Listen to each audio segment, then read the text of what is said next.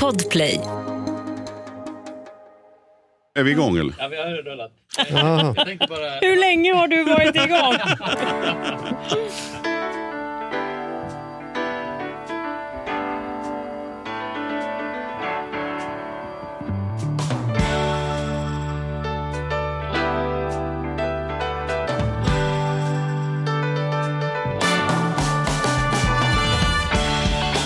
Hej och välkomna till Ekonomi på riktigt med Charlie och Mattias. Och den här veckan är vi nästan lite nervösa va? Ja, Jag tyckte du började med att sluddra på ordet lite Ja, till och med. ja, det är ju feedback på. Det är liksom lite så. Det är inte för att jag är orolig att snacket inte ska gå bra, för vi, nu får vi en riktigt snackproffs. Mm. Men det känns ju lite som att sjunga inför Pavarotti på något sätt. Liksom, att man, man hittar ju på mycket, så här, jaha, så hade inte jag sagt. Och så hade inte, alltså, det, känner du så eller? Ja, Du känner ja. ju alla kända människor, men dansar man med Tony Irving då snubblar man ju lätt. Liksom, Ja, jag. men så är det. Och, Ja. och, och sist som vi träffades i den här konstellationen, då var det väl ytterligare någon med. Det var ju när vi var aktuella för hundra år sedan. ja, ja, ja. När vi fick vara med på mm. Riksmorgonzoo Just det. eh, och sådär så tror jag vi var, eller jag vet att vi var det. Så var det. Någon gång. Mm. Absolut. Ja, men, men och, och det, går inte, det är lika bra att vi kör igång. Sveriges kändaste Titti behöver ingen större introduktion, men hon behöver en direkt. applåd. Jag behöver en varm applåd. Ja. Välkommen så hjärtligt till Ekonomi på riktigt. Titti Schultz!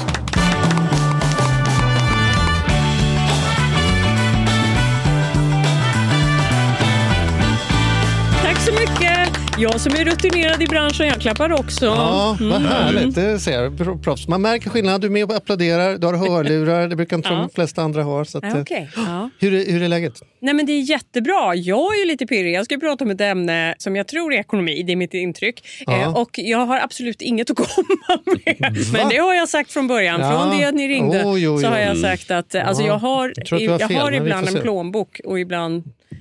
Ja. Ja. Jag, jag, pr- jag pratade här om, här om podden, så pratade vi lite kort om det här. För när jag, när jag, nytt begrepp. Härompodden. ja, det var snyggt. Ja. Ja, här om podden Jättebra. så, så pratade vi lite grann om, för du sa så här när jag gjorde någon introduktion, så här, hej och hjärtligt välkommen, då sa du så här, den där har du sagt förut och då nämnde jag att jag hade sett ett tv-program med Mauri, Mustige Mauri, där han identifierar just röster. Han sa så här, de, de sju kändaste rösterna utan att man vet ansiktet. Mm. Och då var det bland annat Fröken Ur och sen var det han Let's Dance som säger hur det går i Let's Dance. Och sen var det den här GPS-tjejen, hon som körde nästan alla GPSer. Ja. Ja, alltså, henne höger. hör aldrig jag. För hon, jag stängde av henne i ett tidigt skede. Hon drev mig till vansinne. Ja, Vi om- var aldrig överens. Nej, jag jag förstår det. Min Och sen- GPS-tant och säger vänligen. Är inte det lite passivt aggressivt? Så här, vänligen Ja. sväng vänster. Det är som så här... Och då svängde inte- jag absolut inte vänster, möjligen ja, rakt fram. ja. Mm, Men då då hade sagt jag det, här- vänligen drick lite kaffe. Ja, är jag, jag skiter i henne nu, Ja, just ja, henne. mm. Utan nu menar jag också så här, tunnelbane, ja. tunnelbanerösten Ja, till exempel. det har vi pratat om, ja. Ja, Mm. och, och så. Otroligt kul. Men då tänker jag att, att där på den där topp 10-listan, det här var en topp 7. Men Mm. hade man fortsatt den här listan så måste ju du vara Även fast du är ju också känd i ansiktsmässigt. så att riktigt säga. känd. Men om Så du ringer tänker jag, till, till en krog Ja. och säger så här. Hej jag skulle ha ett bord Mm. eh, till då och då. Om du bara liksom håller ut lite på meningen. Prata Jag- tre meningar extra i början. Och Bara för att så här, vi var lite då, då tänker du så här, nu får jag bordet för att jag är fucking Titti Schultz. Liksom. Nej, men så hade hon inte uttryckt sig. Men, eh, Nej, men Det kanske bruk- tänker. Det brukar lösa sig när jag faktiskt kompletterar med namnet. mm. Ja. Då löser det sig. Men tror du inte att man ändå ganska snabbt hör att, att Det- alltså, mottagaren det, händer, tänker? det händer ganska ofta. Jag vet inte om det är nödvändigtvis i de sammanhangen. Nu är jag ju en artig människa också så jag presenterar mig alltid när jag ringer någonstans för det tycker jag man ska göra. Men det är inte så ovanligt att man säger den här rösten känner jag igen när Mm. jag liksom bara hej har ni, har ni mm, Alvedon någonstans? Mm. Ja. Mm. ja den rösten känner jag igen. Mm. Ja. För du är ju verkligen en radioprofil. Alltså, du har ju, hur många år har du hållit på med radio? Alltså jag räknar ju så illa. Men Mm. 94 började jag. I oktober tror jag det var. Wow, och sen 50 har jag försökt snart. sluta tre, fyra gånger och det går inte. Men vänta, då firar vi precis 30-årsjubileum då? Ja, nästan. Åh jäklar, nästa år. Ja, det är alltså- 23 Ja, fortfarande. du Ja. du måste Häng med lite Jag ligger lite Ja, före. med. Men om ganska Mm. precis ett år då, Ja. där någonstans, Ja. så, så är det ett år. Gisses, det ska jag fira. Ja, men då Ja. blir det väl Oklart någon sån här specialprogram i tv, tänker jag. 30 år med Titti, tänker jag. Det är väl rimligt? Ja. Något Jag sånt. tänker att jag säkert blir inbjuden till Riks FM och får en, liksom en hel egen morgonshow att fira mina 40 år i, i radio med. Ja. Det tror jag säkert Ja, på. det lät lite ironiskt Men, nästan. ja, det lät lite ironiskt. Men, men, eh, Men det var ju hur- liksom där allt började. Men det var ju ändå så här, för du var ju verkligen, eh, alltså Morgonzoo, du och Roger var ju fantastiska. Alltså, sen var Gert med. Det var vi faktiskt. Men, men du och Roger just för mig var, så här, och jag vet att båda är från Gävle och liksom ni, det var inte därför ni funkar så bra. Men jag bara menar att det var ju en av de här paren som som jag alltid, som jag också jobbar med media, så var det ändå de så här, det här är fan, de är så proffsiga så att det liknar ingenting. Alltså ni var ju, ni, ni vart ju verkligen liksom, dels tajta men också var ni fantastiskt duktiga. Ja, det är få människor som är så proffsiga där det upplevs som att ni på riktigt inte Det var nästan proffsiga så här alls. Filip Som och är bara- Fredrik. så här. Ja, Men- sen men- men sen som plötsligt-. Ja, och då tänker jag, ni var ändå en liten konstellation och sen så gick ni hit, höll jag på att säga då, alltså under Bauer-koncernen, då, Mix-koncernen. Men sen plötsligt så dök du upp alldeles ensam. Ja, hur det kan bli. Men, men jag håller med. Alltså, jag är så himla stolt över det vi gjorde, det jag, Roger och Gert gjorde. Men också det som jag verkligen känner var jag och Roger. Det var väldigt, väldigt speciellt under väldigt, väldigt många år. Hur började det? Ja, vi träffades på redaktionen på Rix FM i Gävle. Jag tjatade mig till ett jobb på nyhetsredaktionen där. Jag hade pluggat journalistik i London, kom hem, skulle vara tokseriöst. Jag såg framför mig att jag skulle bli en ja, typ en Jan Josefsson tänkte jag då. Nu skulle jag kanske välja någon annan. Men i alla fall, så jag satsade allt på det. Och så tänkte jag, jag måste börja på lokaltidningarna. Man måste börja smått, det tror jag fortfarande stenhårt på. Det fanns två lokaltidningar, det gör det faktiskt fortfarande, hör och häpna. Och tjata, tjata, tjata, fanns inga jobb. Då kom jag på kommersiell radio, hade börjat medan jag bodde, jag bodde i England och pluggade. Och så tänkte jag, den nyhetsredaktionen ska jag in på. Mm. Ja, kommersiell radio hade nyheter. Det stanna upp och tänk. Mm. Underbart. Eh, och så lyckades jag med det. Ett par vänder upp till eh, stationschefen där. Och så fick jag eh, göra nyheter tillsammans med Ingvar och Maria som jobbade där. Mm. Och det var så jädrans roligt. Och sen så blev det mer och mer längre gästintervjuer. Jag gjorde inslag till ett kvällsprogram som Roger gjorde. Och sen blev det mer och mer program. Och efter ett par år i Gävle så ringde Rix FM i Stockholm och så på den vägen var det. Sen kom Roger efter och så blev vi en nödlösning för ett morgonprogram som blev uppköpt av Mix Megapol. Mm. Och eh, då så kom programchefen och så sa han, kan ni bara köra tills jag hittar liksom, rätt konstellation som ska in här och köra morgonprogrammet. Ja, så jag värvade min fru också. Kan Mm. inte vi bara köra tills jag hittar rätt konstellation här? Så att i alla år presenterade vi oss som Riks Morgonzoo en nödlösningen. I väntan Aha. på ordinarie program som Åh, skulle nej. börja. Jaha. Vad häftigt. Mhm. Och, sen, och sen så blev det ju inte så då, kan man lugnt säga. Nej, alltså vi väntade ju hela tiden på att det skulle komma ett nytt morgonprogram, men det gjorde det aldrig. Mm. Så till slut gick vi, faktiskt. Men om vi då ska så här, studsa fram, och det här tycker jag är så eh, vansinnigt intressant ju också. Därför att det är som sagt lite i min bransch, men, men det är en, det är en fantastisk resa som du har gjort. Men då känner jag, hur, hur kommer det sig nu då från att ni var det här radarparet till att du sen dyker upp i P4? Jo, när vi slutade här, det var vi alla överens om. Att, eh, jag och Roger var överens om det. Och, fast vi tänkte nog mest på det på kammaren. Liksom. Var och en för sig. Men framförallt så fanns det en känsla att vi började bli väldigt klara. Vi hade gjort det så länge, vi kände varandra så väl, vi hade pratat om allting och vi hade pratat om allting flera gånger. Vi träffade varandra mer än vi träffade våra liksom, anhöriga. Så att, att vi inte skulle fortsätta göra någonting, dit hade vi kommit. Och jag kan i efterhand tycka att det är förbannat sorgligt att vi inte vårdade radarparet bättre. Att vi inte tog hand om oss, att vi inte... Alltså det är klart att det fanns skav och de gånger det fanns skav skulle vi ha varit duktigare på att ta hand om det. Det här är nog det mesta som jag egentligen har pratat om det. Nej, men så att vi landade nog i var och en för sig och återigen i tyst samförstånd, vi pratade väldigt mycket utan ord, så var det som att vi förstod det här hos den andra. Så Roger blev erbjuden att eh, komma tillbaka till Riks FM. Exakt hur den dansen gick har jag ingen aning om. Och jag hade parallellt med det gått in till cheferna på, på Energy och sagt finns det något, jag jobbar jättegärna kvar på Energy men jag ska inte fortsätta göra morgonprogram längre. Och så tittade man på det och var otroligt eh, hjälpsamma. Och sen plötsligt så, ja Roger meddelade att han skulle gå och då hittade cheferna också efter lite, alltså vi snackade lite om jag skulle vara kvar eller inte och så till slut hittade vi ett sätt att ja, men lösa ur kontrakt och att jag kunde dansa vidare. Och då tänkte jag nu slutar jag med radio. Mm. Och så gjorde jag det ganska kort tag. För sen ringde Vad Sveriges... tänkte du att du skulle göra då? då? Var... Jag tänkte att jag skulle tokmoderera för jag tycker det är ja, jätteroligt där att har vara ju du och moderator. sprungit på varandra. Exakt. Ja. Och jag tycker det är så himla kul. Och det är som ett litet, liksom, litet radioprogram som ska ut med en massa innehåll och det ska lyftas. Jag ska få människor att skina och ställa de klokaste frågorna till någon vd. Och jag verkligen kände att eh, det här ska jag satsa stenhårt på. Och jag fick ganska mycket erbjudanden så jag tänkte att det här ska funka. Mm. Och efter så här, när pandemin kom sen några år senare så är jag glad att jag inte var där just då. Men, men ehm, så ringde också Sveriges Radio mitt i alltihop och frågade om jag inte behövde äta lunch. Och det behövde jag. För det behöver man. Och då kom de med ett erbjudande om ett litet, litet morgonprogram som inte en människa lyssnar på. Och man skulle dra igång det här och det var halta och, och det var lytt och det var konstigt. Och då tänkte jag, hantverket radio, det är det bästa jag vet. Att få bygga ett morgonprogram. Så att jag sket i lyssning och vad det var och hela det upplägget. Och sen slutade det också med att jag sände det. Det var inte min avsikt från början.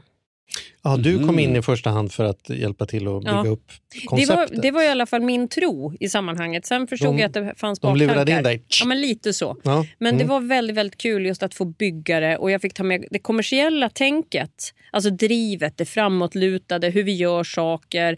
Att försöka vara oängslig och våga testa nya saker på ett sätt som jag inte upplevde att, att man hade tänkt på där jag hamnade.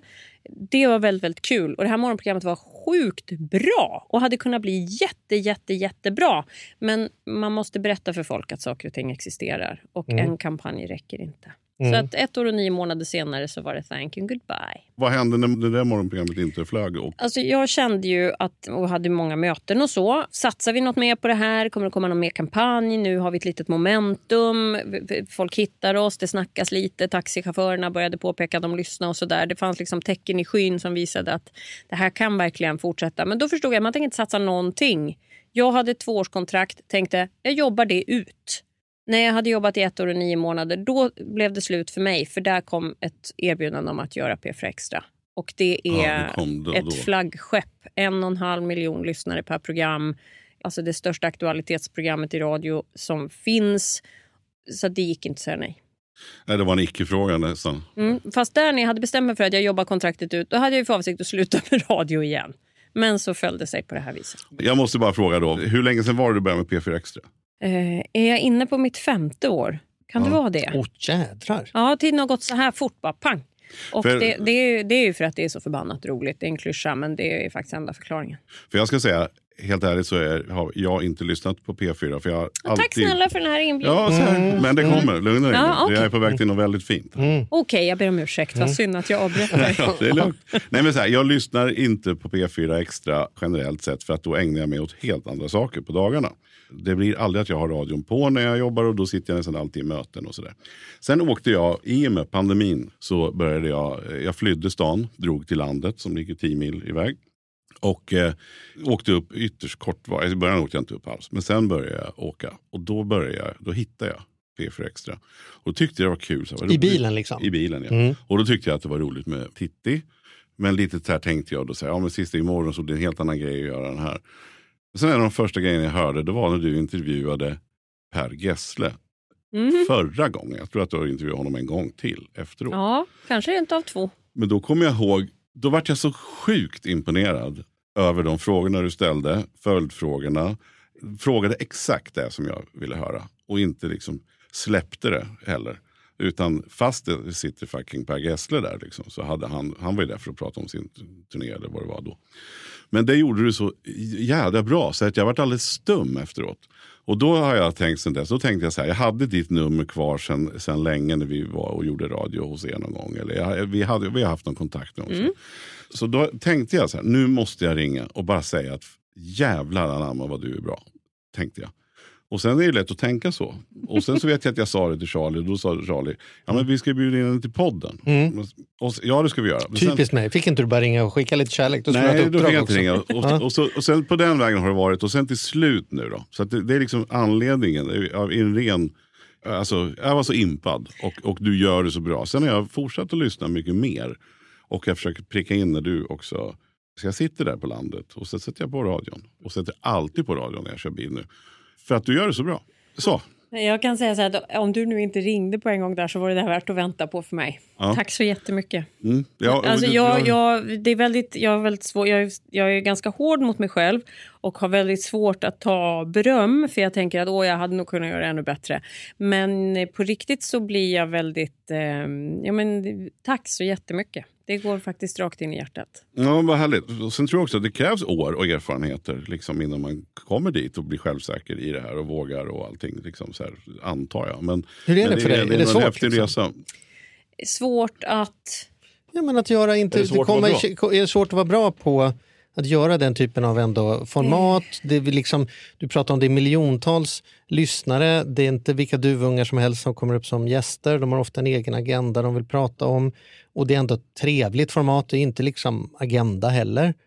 Men Det ibland kräver så... ju en väldigt fingertoppskänsla, tänker jag. Jag får ju, alltså vi gör ju som vi säger lite fint ansvarsutkrävande intervjuer. Det betyder att jag får tag i någon eh, ordförande i en kommunstyrelse någonstans där man har gjort bort sig och de slingrar sig som små maskar på en krok. Då får ju jag ta i. Jag har blivit arg. Bara, vet du vad, du tar inte ansvar. Det enda lyssnarna vill höra nu det är liksom ett, vi ber om ursäkt, vi ska bättra oss och du ger inte det. Du tar inte ansvar. Och det kan jag pusha väldigt långt. Jag kan till och med börjar låta sträng och lite irriterad på rösten.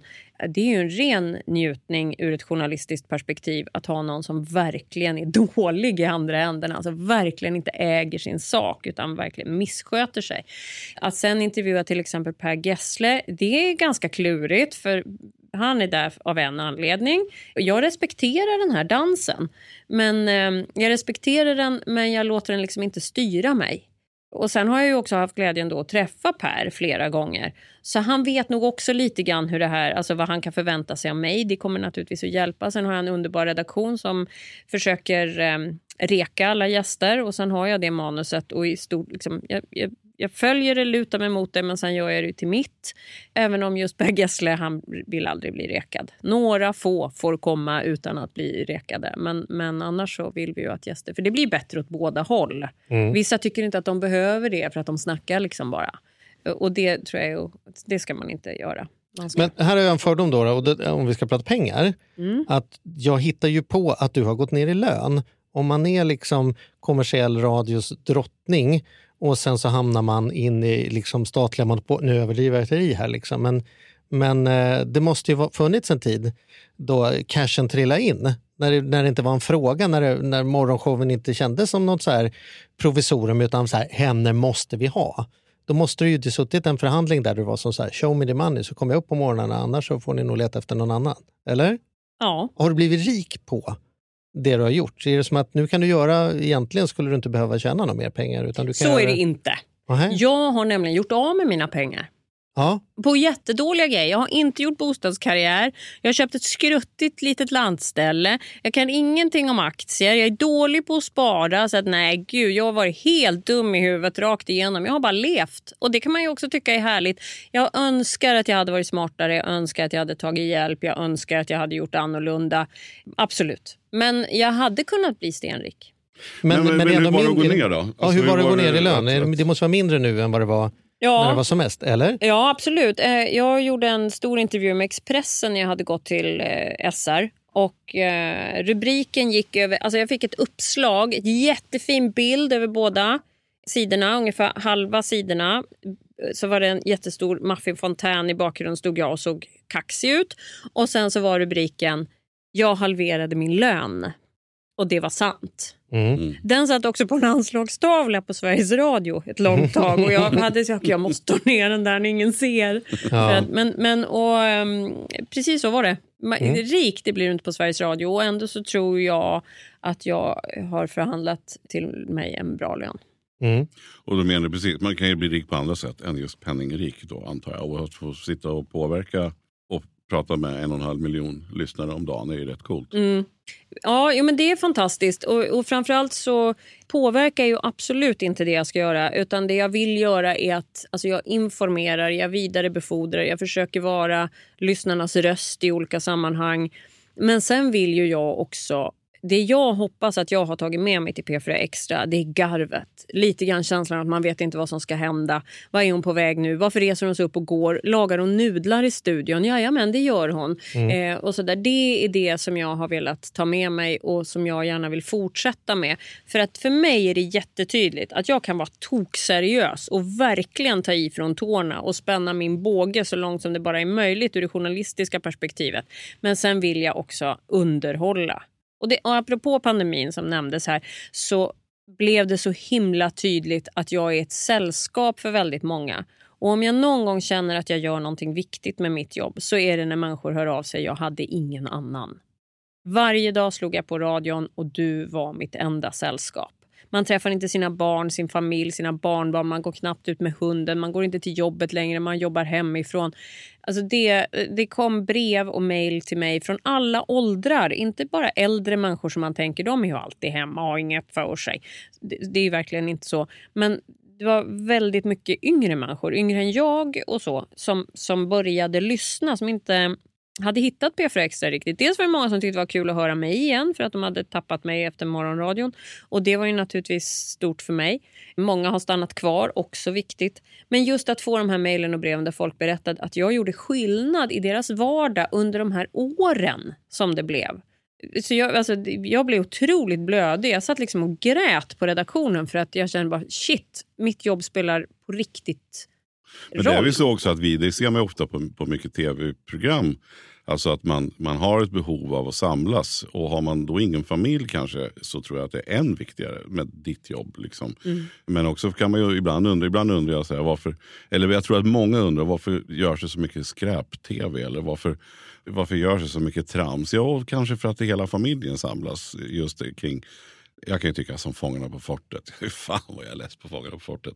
Men det var bra när barnen var Har inte ni varit med i Fångarna på fortet? Vet du, vi har haft en no trams policy så vi har inte gjort några såna där... No eh, trams policy? Ja, men alltså, vi tänker att vi är experter och inte programledare. Så ja, vi försöker hålla oss till sånt. När vi var aktuella så hade vi, ja. trodde vi att vi hade kunnat förlora på det. Men vet du vad ja. det coolaste var vi tackade, eller det galnaste vi, vi eh, tackade nej till egentligen.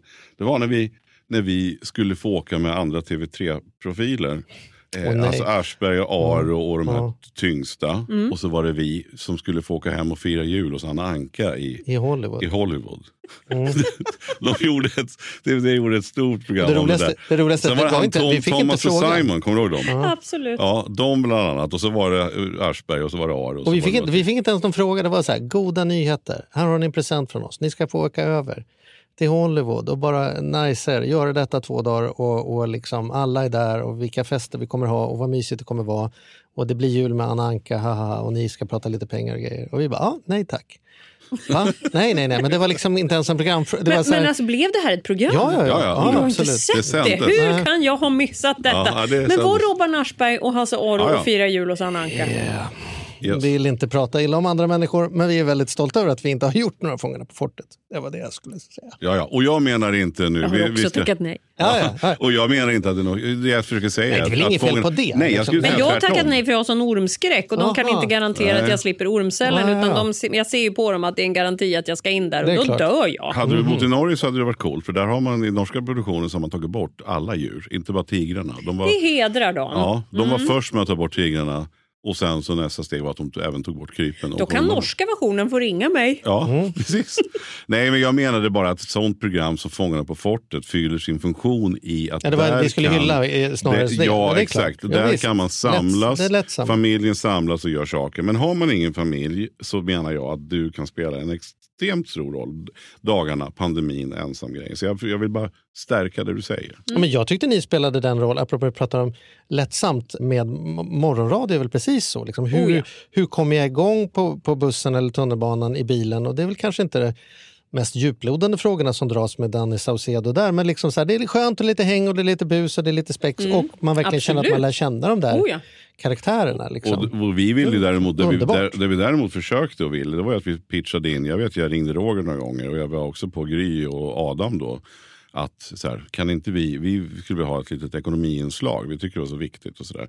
Men då föll det ju på att det är ingen jävel som vill vakna med eh, liksom, Nej, vi var tydligen inte så morgonvänliga. Nej, det är inte skitkul att prata om sms-lån, det är inte det man vill höra Nej, tydligen. tydligen inte. Det Så fick det- vi bara tugga i oss. att Ja, där- det fick där- vi aldrig. Det Nej. fick vi ingen för. Nej, nej, nej. Och det var nog rätt beslut. Det tror jag absolut. Men du, jag, Jag känner jag, nu att vi fattade rätt beslut. Ja, jag tycker det var rätt beslut. Ja.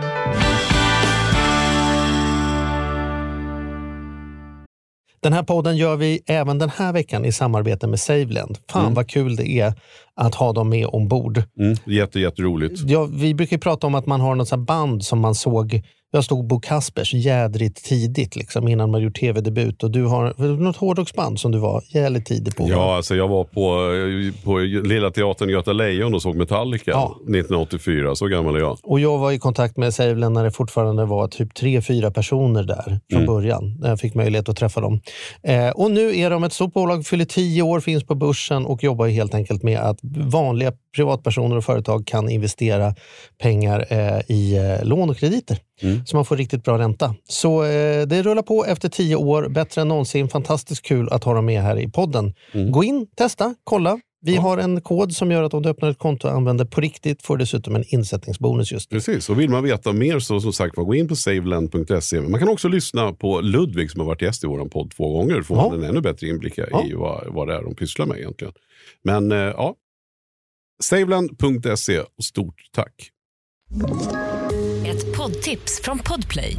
I fallen jag aldrig glömmer djupdyker Hasse Aro i arbetet bakom några av Sveriges mest uppseendeväckande brottsutredningar. Går vi in med hemlig telefonavlyssning och, och då upplever vi att vi får en total förändring av hans beteende. Vad är det som händer nu? Vem är det som läcker? Och så säger han att jag är kriminell, jag har varit kriminell i hela mitt liv men att mörda ett barn, där går min gräns. Nya säsongen av Fallen jag aldrig glömmer på Podplay. Jag var inne lite på pengarna här och väldigt stiligt styrde vi bort det till hur fint det är att göra ett bidrag i världen. Och sen vart det. Men om vi går tillbaks till pengarna där Ja. då. För vi lever ju i en tid nu där väldigt många människor har fått reallönesänkningar, pengarna räcker inte till lika mycket. Men hur, hur har det varit för dig? Purjolöken är dyrare, allting är dyrare. Du har gått ner till halva lönen mot vad du förut. Och svaret är inte att du har sparat undan i ladorna och det är inte att du har gjort en boendekarriär. Märks det för dig? Är du liksom penga orolig eller, eller är det tillräckligt pengar. bra ändå? Ja, det är liksom? Tillräckligt bra ändå, vilket jag är väldigt tacksam för naturligtvis. Men jag sparar kanske snäppet mindre. Alltså Mm. det lilla som jag sparar sparar jag snäppet mindre. Ehm, Har du lagt om vanorna? För att byta, byta vin till boxvinerna istället för flaskvinerna eller ta tunnelbanan istället för taxin? Eller liksom, alltså jag har ju min elcykel. ja. Och sen, alltså sen pandemin kom så har jag cyklat. Jag har inte åkt tunnelbanan en enda gång. Alltså jag menar inte att kokettera med det, jag har inget emot tunnelbanan. Mm. Men, men eh, inte åkt tunnelbana. Jag kommer ju fram alltså på en kvart i Stockholms innerstad innanför tull, vart som helst praktiskt taget. Känner du till, du har hört talas om tunnelbanan ändå Mattias? Ja, jag har hört talas om den, Men men, det, det- var länge det- sedan jag åkte den. Och framförallt sen pandemin har jag absolut inte åkt den. Nej, nej. Jag tog mig idag från, från eh, jag var på SVT innan hit. Och det var en ganska lång Jag hade ju kunnat ta det sträcka. på pakethållaren. Ja, jag är men ju jo- huset bredvid. Ja, Det är ett ja, sällskap. jag vet, men då var jag, skulle säga, jag har ju också en elcykel. Så, att, så att det är som du säger, fast jag var långt bort, ganska långt bort ändå Mm. på Gärdet och komma hit på Kungsholmen som är andra änden. Så, Mm. så var det precis som du säger. Jag var en minut sen däremot. Så det- Mm, det var det faktiskt. Till alla som lyssnar nu från andra delar av Sverige, man man kan plocka fram kartan, följ med på den och se hur vi har cyklat Ja, till men, menar, det är en fantastisk med Ja. elcykel. Ja. Men, men, eh, men hur är det med bil och sådär? Vi har två bilar i vår familj så att vi hankar oss fram, absolut. Det är ju jättepuckat, vi bor i Stockholms innerstad, Södermalm och ibland ringer vi varann när vi kommer hem, jag och min sambo, om vi råkar leta parkering samtidigt och så vinkar vi till varandra när vi möts i något gathörn och så snurrar vi och så snurrar vi och så ringer vi och så pratar vi om ska vi, vad ska vi handla och Vilken vem- ångest vem- jag får. Bil, jag får ångest Ja, bara jag hör det. mm. Ja, park- Så att eh, parkering. Mm. det är så puckat. Men Ja. vad gör du? Så här, du, du verkar liksom inte gilla din egen, dig själv och ekonomi. Vad, Nej, vad är det, så här- mitt ekonomisjälvförtroende är uselt. Dels så hade vi väldigt bra pensionslösning på, på, när jag jobbade då på Rix FM. Jätte, jättebra, men då var man tvungen att träffa någon sån här som placerar runt de här pengarna med jämna mellanrum. Det var så fruktansvärt tyckte jag. Alltså det var inget fel på dem, de var helt underbara. Men jag gick in där och bara, hej kan man lita på dig för du kommer att få bestämma det här åt mig. Jag har tagit med, alltså för ja, det är inte många år sedan, fem, sex år sedan kanske, då tog jag med min pappa på ett sånt här möte. Bra. Ja, det var jättebra, men det var första gången på det här kontoret, det kan jag säga. För de gick liksom ut och tittade in genom glasfönstren. Bara, Där sitter hon med sin pappa, har ni hört, har ni hört? Och det bjöd vi gärna på. Och sen så satt jag där som ett, liksom som ett ufo och så pratade min pappa med den här mannen som hela tiden frågade mig, är, är det här okej, kan jag ta det här med dig? Men bara ta vad som helst, säg vad som helst, berätta allt. Och sen så sa, kom de med ett förslag och då så sa jag till pappa, är det här bra, ska jag ta det? Ja, ta det. Ja, jag tar det och så skrev jag på. Mm. Det är ett av mina bästa möten med dem, eh, de här fondmänniskorna. Men, och så här känner jag fortfarande. Det är dags för ett till sånt här möte. Och nu har jag faktiskt på riktigt frågat min sambo som är lite road av sånt här. Vi har inte gemensam ekonomi. Alltså har jag frågat honom, kan du följa med? Nu ska han följa med. Men vad beror det här på? För att du är ju en person som träffar högkompetenta människor hela dagarna, ställer väldigt kluriga frågor. Man tänker att vi har ett begrepp vi kallar för att står man i duschen tillräckligt länge så blir man ju blöt. Man har ju inget val. Du måste ju ha hört så otroligt mycket om privatekonomi och vart vi är på väg och vad som är viktigt och ansvar. Du skulle kunna skriva de där intervjuerna, svaren på de så här fem bästa råden. Vad kommer det sig att det inte liksom har skrubbat av sig? Jag tror du det sitter är med det. lite självförakt och beskriver det som. Jag Ja, ja men det gör jag. För att jag liksom. är ganska besviken på mig själv över att jag inte gör det här bättre. Jag är för fan 51 år gammal. Jag ska väl kunna... Och, och då, eh, jag tror att det är så här, jag- de säger där, säger de bra grejer. Ibland kan jag till och med anteckna saker. Att ta upp det här, ringa den här, göra det här. Och liksom samla på mig det jag får.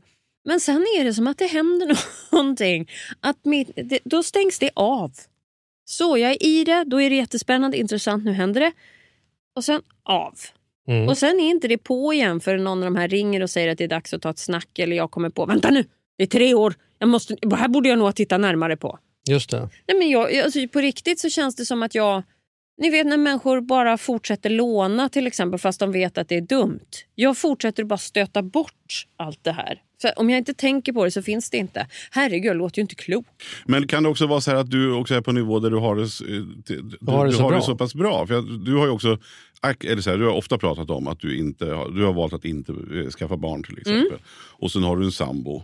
Ja. Då tänker jag att, att då har man det ju ganska bra ekonomiskt. Ja. Jag menar, du tjänar bra och säkert gör din sambo det också utan att jag har någon aning. Men jag kan gissa att han Och ni- men ni- ni har Nej, men inga han lån jobbar ju, nu han på- är ju arbetsför tänker jag. Så att jag menar, Han är jag har två ekonomier. Ja. Och det låter som att du inte har gjort en karriär, då bor du också i en hyresrätt. Vilket Mm. är ganska riskfritt och då sannolikt inte har lån, en massa tunga räntor nu när räntorna går upp. Då kanske man bara finner Mm. Jo, att men det alltså, omständigheterna i livet är ju såna också att jag inte behöver vara... Alltså, vi har ett, det här sommarstället som det naturligtvis finns lån på. Ja, även, det där kan det smacka till ganska hårt när våra räntor blir eh, liksom rörliga nu och vi kommer att klara det. Men då kanske vi kommer att behöva resonera lite grann. Ska vi verkligen unna oss eh, att hyra något litet i något fjäll eller så som min, vi tycker är ganska härligt.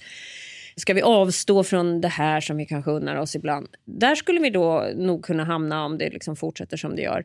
Att vi åtminstone börjar tänka till. Alltså vi är inte galna. Men, eh, har visst är det så att till men min sambo har benkoll på sitt. Han sitter och Mm. pratar om nu gick räntorna upp på det här sparkontot och jag bara... Eh. Men ni har inte gemensam ekonomi? Nej. Varför Men då? enda anledningen till det är att, precis som du sa, det är bara vi. Eh, vi, eh, vi delar det mesta. Vi har eh, inte matchat varandra. Eller jo, men vi har alltid vi har kunnat matcha varandra.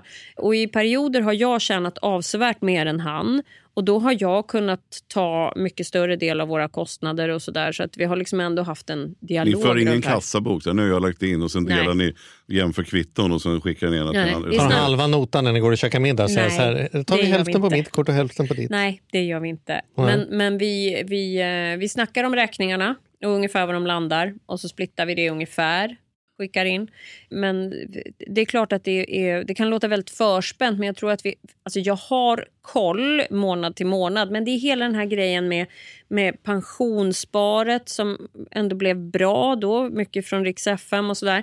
Eh, och nu är jag jag egen firma så nu sätter jag ju undan själv också en jävla resa för en sån som jag att hamna i det. Men jag har lite grann glömt vad frågan var. Men, men, men vi har möjlighet att göra vad vi vill. Och jag vill, Erik älskar att åka till Alper. Han vill köpa nya skidor. Det är det enda han unnar sig. Jag vill kunna kanske åka till London eller jag vill göra grejer med mina tjejkompisar som han är helt ointresserad av. Och det är som, liksom, vi har saker som är viktiga för oss var och en för sig. Det har varit vår grej hela vår relation. Att man ska göra det man gillar för då fortsätter man att gilla varandra. Vi har aldrig behövt diskutera. Ska du köpa ett par nya skidor igen? De kostar 5 000 kronor. Det är vansinne. Just det. Jag behöver inte säga så. Nu rollspelar hon hur det låter hemma hos oss, bara så att du förstår. Att det, var, det, det är hennes bild av hur gemensam ekonomi låter. Nej, men alltså, vi behöver aldrig ifrågasätta vad någon annan gör. Mm. Faktiskt. Nej, men det är väl, det är väl jätteskönt. ja. Men vad skulle och, du alltså, vilja... det är ju en lyx att vi kan ha det så naturligtvis. Men ska du inte börja spara mer då? Jo, absolut. Det ska jag göra Mattias. Ja. Det kommer, innan den här Det intervjun finns- är slut så... Whoop, Jag ska inte, nu, ska inte jag, nu ska inte jag eh, verkligen ge tips om något specifikt, men nå- någonting som är... Nej, Alltså, måste viktiga- jag skriva upp på en Ja, lapp ja. som jag sen lägger bort och Ja, glömmer. jag kan ge ännu mer konkreta tips. Jag, vi är inte sponsrade, jag ska inte, liksom, jag ska inte hänga ut på ett bra sätt något företag. Men det Kom ihåg finns att ju, jag är opartisk. Ja, exakt Tycker så. ingenting ja. Nej, du tycker ingenting. Och, nej, men det finns ju det man kallar för fondrobotar som vi har pratat om en hel del. Det låter livsfarligt. ja, det låter det är- livsfarligt. Exakt, men det är det inte. Nähä. Och det är det, det är det som är grejen. Det är som en sån här farsa, fast han är på mötet hela tiden. Och bara sitter och fixar Men vad grejer. gör fondroboten då? Ja, fixa, investerar och fixar grejer utifrån vad som blir bra för dig. Fast Så- jag gillar att kunna hålla någon personligen ans- ansvarig. Om jag Ah. har haft ett möte med en sån här fondmänniska och jag hade en som var så bra så länge och sen plötsligt så skulle han inte jobba kvar där. Nej, men du får också tänka på att Åh, han, han men då kunde jag ju på ringa. dig. Alltså, han, tjänar ju, jo. han får ju betalt för att Men göra det de här grejerna. unnar jag människor att göra. Ja. De får tjäna pengar på mig så länge jag tjänar mer. Just det, men fondroboten är ju inte, det är ju inte Jag tror en du ska AI som släppa har den hittat här frågan. Nej, det är ju en människor som har satt ihop en bra, Ja. en bra lösning. Så det är Jag ska googla det. Jag lovar Ja, men jag ska, du ska få lite bättre tips. Jag ska- Off air. Jag menar bara så här, ja off-air. Men det viktiga är att man kommer igång menar jag nu.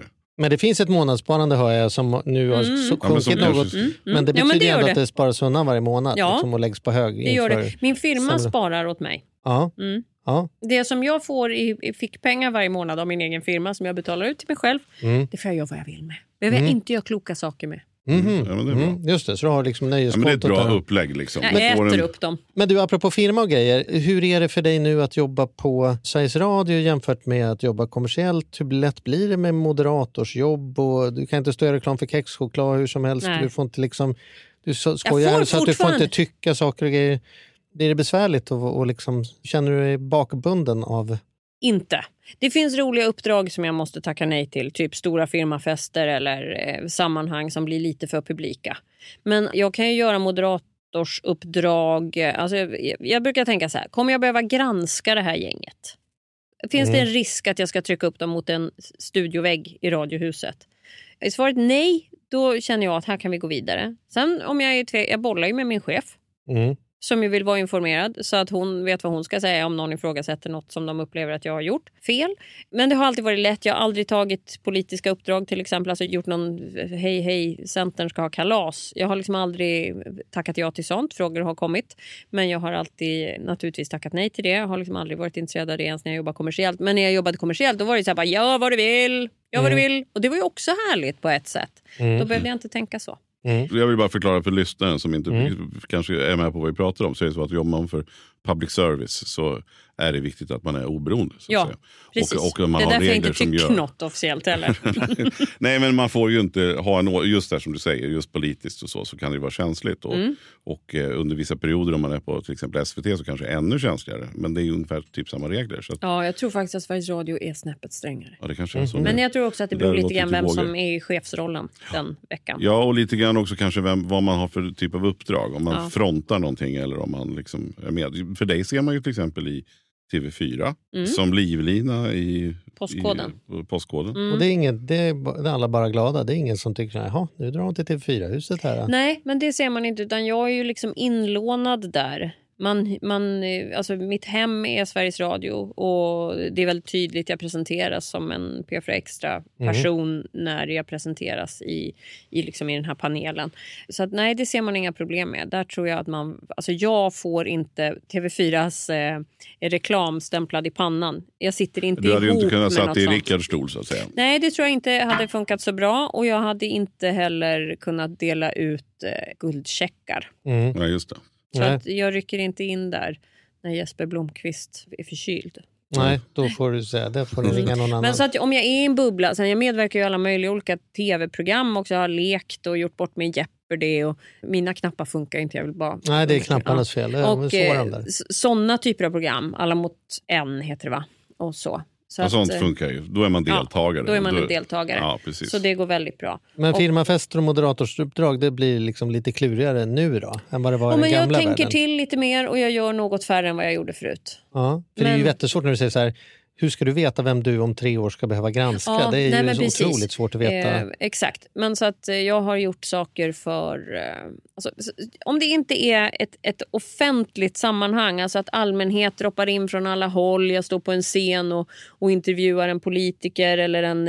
Ett, ja, vad det nu kan vara. Sådana sammanhang finns ju. Precis när jag började på Sveriges Radio så hade jag ett uppdrag som var påskrivet och klart. Så, så alla sa fine, gör det. Det är påskrivet för så länge sedan. Det här går att förklara hur det sitter ihop. Och det var att hålla i invigningen av Södertälje sjukhus. Mm. Och det uppdraget fick jag på vindlande vägar efter att ha opererat min handled där. Jaha. Man kan säga att jag hängde mycket på sjukhus. Jag är också bisarrt intresserad av kirurgi. Mhm. Så att, ja, det var så det började och sen så snackade jag mig runt där och ställde tusen frågor om detta nya sjukhus, eller ja, renoverat, tillbyggt. Och eh, så till slut fick jag också den här frågan och prinsessan Sofia var där, det var ju tok mycket politiker på scenen och alla skulle säga, jag skulle intervjua lite, det skulle hållas tal, jag syntes på bilder med alla möjliga eh, sådär som jag kanske inte ska posera med och eh, det skulle jag inte göra idag. Nej. Vad är, vad är nästa steg då? Vad, vad skulle vara drömjobbet? Mm. För jag menar, nu har du lite av ett drömjobb. Eller jag förstår ju att du tycker det. Om man är radioprofil och älskar radio och att få göra Sveriges största radioprogram. Det, det måste ju vara rena drömmen. Mm. Men, Ja, du har ju, det men du har ju retat dig ut. Du har ju, finns ju någon energi av att du skulle vilja göra något annat Det är också en tanke av att herregud, ska man jobba inom ett gebit i hela sitt liv och så tänker jag, vad är fel med det då? Jag har Mm. jätteroligt, det är utvecklande, jag träffar nya människor hela tiden, jag har jätteroligt, jag bråkar med folk, alltså stångas, knölas, försöker liksom utveckla. Alltså, jag har stor respekt för, Sveriges Radio har ett uppdrag, det kommer från regeringen. Vi måste förhålla oss till det här, det är en låda vi sitter i, det finns saker vi ska göra och saker som vi absolut inte ska göra. Jag har all respekt för det här. Men jag vill bråka lite med lådan. Det vi ska göra, kan vi presentera det på ett nytt sätt? Kan vi ta ett nytt grepp? Eh, när någon säger till mig, men nej, så, ska vi, alltså, så här har vi alltid gjort, så det fortsätter vi med. Då, då går något sönder i mig, det brister. Då ska vi absolut inte göra så. Det är klart vi ska skruva på det, sen behöver vi inte uppfinna ett hjul, men vi ska skruva på grejer hela tiden. Men upplever du att det är lite grann skillnad som om vi tittar på mediesamhället överlag? Att just det här som du säger, att man måste förändra eller skruva eller greja för att det, det blir ett helt annat utbud. Vad det som gör att man inte kommer att bara titta och lyssna på poddar istället. Och liksom just det här med det man pratar om linjär tv som, som ju på ett sätt har nästan, eller håller på att verkligen, verkligen gå ner. Men som nu bevisat i ett reklamsammanhang ändå är fortfarande värt mer. Därför att två par ögon linjärt kan man mäta. Mm. Man vet så här, så här mycket pengar eh, betyder det att någon tittar här och nu. Mm. Och MMS då, som kommer ut med tittar, alltså siffrorna liksom, som visar hur mycket tittare, man hör ju ofta att de här, så mycket tittare eller lyssnare finns det. Och där är ju MMS ett verktyg som har hållit på i 30 år så det litar man på som annonsör. Medan de här streaminggrejerna, man vet inte hur länge lyssnar man, vilka var det och på vilket sätt och vilka plattformar. Det finns mycket mer mörker. Där en sån värd är kanske värd en krona istället för två. Men där måste ju vara en utmaning, precis. Är det där du också är inne på, att förnya hela tiden? Även om det, Det är klart att lyssnarna... skepp. Alltså måste ju, jag måste ju överraska lyssnarna ibland. Alltså det, det är klart att man ska veta vad man får men man kanske ändå inte alltid ska veta hur det levereras. Överraska med en oväntad gäst, ett oväntat inslag. Jag gör något oväntat på ett sånt sätt som jag gjorde hela tiden med morgonshower. Men nu sitter ju jag där och så har jag en kille som heter Lasse Persson. Han är ute och gör knasiga grejer. Och ibland så gör jag också lite udda saker. kan vara något knasigt eller något jätteseriöst men att jag har att det låter annorlunda. Alltså jag, jag menar verkligen det. Det behöver inte vara revolutionerande saker. Bara en sån sak som att när jag kom till Sveriges Radio började jag på låtar. För att ava musik, det är för mig, alltså en fysisk, det här blir, nu är det nördigt. För mig känner jag fysiskt när jag hör någon ava låtar, när jag till exempel lyssnar på radion i bilen. Då, då är det ungefär som bara, det är en tvärnit nästan. Alltså, hela jag bromsar in. Det där var. Att jag vill inte, jag vet vad jag just, alltså det var en låt, den var jättebra. Det finns också listor på Sveriges Radios hemsida kan jag passa på att tipsa om. Om du bara har ungefär koll på när du lyssnar, vilken tid, vilken dag så kan du bara scrolla in och så hittar du listorna med vilka låtar som har spelats. Det är jättesmidigt. så att jag påar istället för att du ska känna på här händer en grej. Då kan jag säga också att det här är ny musik här på P4 eller den här låten vann eh, P4 Nästa som är svensk radios största musiktävling. Alltså, jag kan lägga till någonting, jag kan berätta någonting, Mick Jagger, bla bla bla bla, intervjuas av Jimmy Fallon, nu blir det ny musik från Rolling Stones. Alltså jag kan ge mer på det viset, att prata om vad som just hände och då komma med den här informationen. Ofräscht. För jag kan också tänka att P4 Extra är ett sånt program som man inte lyssnar på så mycket efteråt. eh, Egentligen, om man jämför med kanske Ja, det vet ju du. Hur Eftersom är det? det? är ett aktualitet, eftersom det är aktuellt. Det är som att titta på en sportmatch efteråt. Det, det kan man göra för att det var något speciellt inslag. Eller man kanske ser på dina sociala medier att den här intervjun igår varit väldigt bra eller stark. Eller att det skrivs om det. Men i övrigt menar jag så är, väl ändå... Alla våra gäster, de här långa gästintervjuerna, som den med Per Gessle, finns som podd. P4 Extra gästen passar jag på att nämna. kan man lyssna 20 minuter av ett tajt samtal. Men sen så kan man också lyssna på hela programmet. Och under fotbolls-VM här när damerna gjorde tog succé så berättade jag, jag kommer inte ens ihåg vilken match det var, men jag berättade i alla fall att de hade vunnit. Och... Eh, ja, det här blir inte riktigt. Men då var det någon som blev tokig för att jag hade spoilat. Han skulle åka hem och titta på den matchen. Som Ja. han, jag vet inte om han spelade in den på VHS. Men det finns de som eh, lyssnar på eh, P4 Extra, som alltså jobbar skift och liksom har lite skruvat dygn, som lyssnar på P4 Extra som ett morgonprogram. Och Det är för övrigt min dröm. Om jag skulle vilja göra något stort med P4 Extra så skulle jag vilja att det blev ett morgonprogram. Och det har jag presenterat en helt klar idé i olika tappningar flera gånger. Så Men, men du är bara med att på, men du håller med om vad jag säger just det i det här fallet. Att det krävs ju, antar jag, en sån det är väl det också kanske P4 gör, att de anlitar dig. Eller alltså att de gillar att ha dig därför att du också tänker nytt och inte Ja, fast jag tror också att det är vissa som tycker att det är riktig jävla skit att jag håller Mm. på och tycker saker hela tiden. Mm. Jag har sagt att jag, finns det inte något innovationsteam någonstans, våning sju, det är ett jättehögt hus det här. Några, när ni liksom planerar, tänker framåt, letar idéer. Jag jättegärna vara med, jag kan göra det gratis. Jag älskar det här, det kreativa, där det finns en sån process. det har jag sagt sedan jag började. Det är Men du ingen har, som av sig. du har också sagt, även om du har både sagt att du har tänkt sluta och har slutat på radio flera gånger, så sa du också nyss att du ändå, man kan ju faktiskt jobba med en sak hela livet. Ja, nu har jag nog vikt ner mig. Ja, men, om du, men om du ändå får en drömförfrågan, vad, vad, vad skulle samtalet vara? Vad, vad, vad skulle du kunna tänka dig göra om du inte gjorde radio? Ja. Om någon ringer och säger, Titti du får Eurovision i år. ja, men då tar jag det. Ja. Det skulle jag göra, för det är en sån utmaning. Det skulle vara en sån skruvad utmaning, så att sånt kan jag inte tacka nej till. Om någon ringer från, eh, från eh, Pfizer och säger att du, blir, du får bli vår chefskommunikatör. Ehm, jag tänker att det är ett sånt jobb som jag vill ha när jag blir stor. Jag skulle inte tacka ja till det än. Jag fick ett, en, faktiskt en jättespännande jobbförfrågan eh, om att vara just kommunikatör inom en mycket speciell bransch, nämligen typ försvaret. kan man säga. Det var ju så otroligt spännande. Men jag är inte klar där jag är. Mm. För man kan ju också tänka även marknadsdirektör. Jag tänker på allt som, med tanke på att du vet vad som funkar. Kommunikationen utåt, media, krishantering när det börjar blåsa. När något Jag har ju företag... gått kurser i sånt. Ja, jag tänkte säga det. Du Mm. måste ju vara så jävla attraktiv där. För, för... Jag tror inte folk Men då fattar går du ifrån det. offentligheten. Det jag. har jag inget bekymmer med. Det Ja, du betyder ingenting för mig. Gör inte det? Nej, nej, det betyder faktiskt ingenting för mig. Det har säkert gjort det utan att jag riktigt har kunnat sätta fingret på det. Att jag tyckte att det har varit spännande och så. Men nu skulle det inte betyda någonting för mig. Du tror inte du skulle sakna det så att säga? Kanske det där med att få bord på restaurang då, om det försvann. Nej, alltså, nej jag tror... Jag, jag, alltså, det är lätt att säga kanske, men, men jag har, om jag tänker mig in i situationen så... Nej, alltså jag, jag inbillar mig i alla fall att nej, det skulle inte spela särskilt Så stor roll. lyssna nu alla företagsledare. Ni kan vara med och förändra hela mediasamhället genom att ni Bara värvar. Titti Schultz. Så, har du, så blir Men det en, vänta fyra år tills ni ringer för hon är inte Ja, riktigt ja. klar. Ja, men två i alla fall. Ja, Två. år Två Nej, men, men jag tycker att det skulle vara... eh, Men om jag ska vara lite allvarlig kring det där så är ju det någonting jag tänker på. Alltså, jag, jag har utbildat mig till kommunikatör också. Jag är journalist. Sen har jag gått liksom parallella utbildningar under alla åren som jag har jobbat. Eh, Så jag har utbildat mig till kommunikatör, jag har gått kurser i krishantering.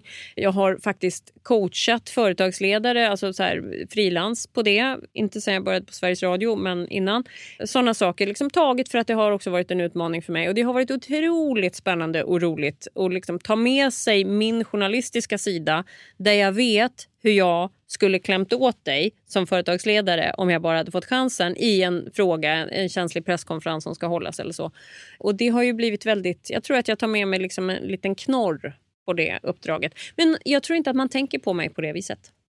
Faktiskt. Ja, intressant. Jag eh, hoppas Kanske ju efter det här för, avsnittet. Ja, Ja. vem vet. Vem jag vet? hoppas i alla fall för, för mina egna personliga önskemål och för våra lyssnare så att du fortsätter vänta kanske fyra år ändå.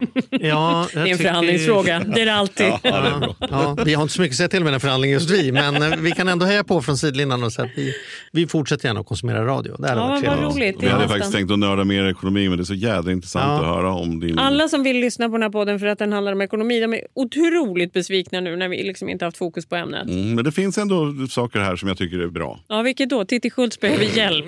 Ja, att man kan... eh, Ja, men jag säger, du har ju tagit hjälp och du har ju tagit in din pappa. Han var ju ändå där och gjorde. Och att du Absolut. Mm. faktiskt sparar och att du ska börja spara mer.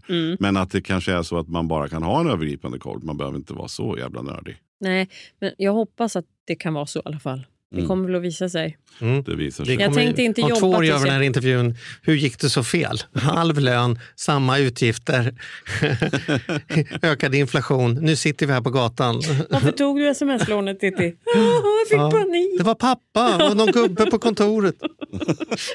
Nej, men vi får väl se var vi hamnar. Men eh, otroligt spännande.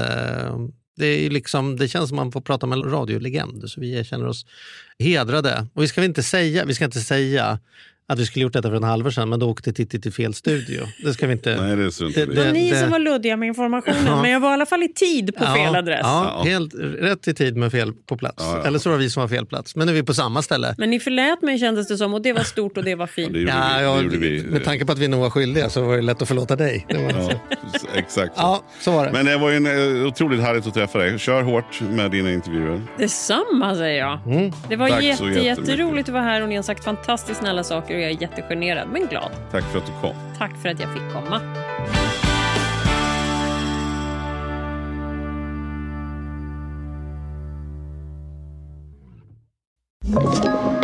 Podplay. Ett poddtips från Podplay. I fallen jag aldrig glömmer djupdyker Hasse Aro i arbetet bakom några av Sveriges mest uppseendeväckande brottsutredningar. Går vi in med hemlig telefonavlyssning och, och då upplever vi att vi får en total förändring av hans beteende. Vad är det som händer nu? Vem är det som läcker? Och så säger han att jag är kriminell, jag har varit kriminell i hela mitt liv men att mörda ett barn, där går min gräns. Nya säsongen av Fallen jag aldrig glömmer på Podplay.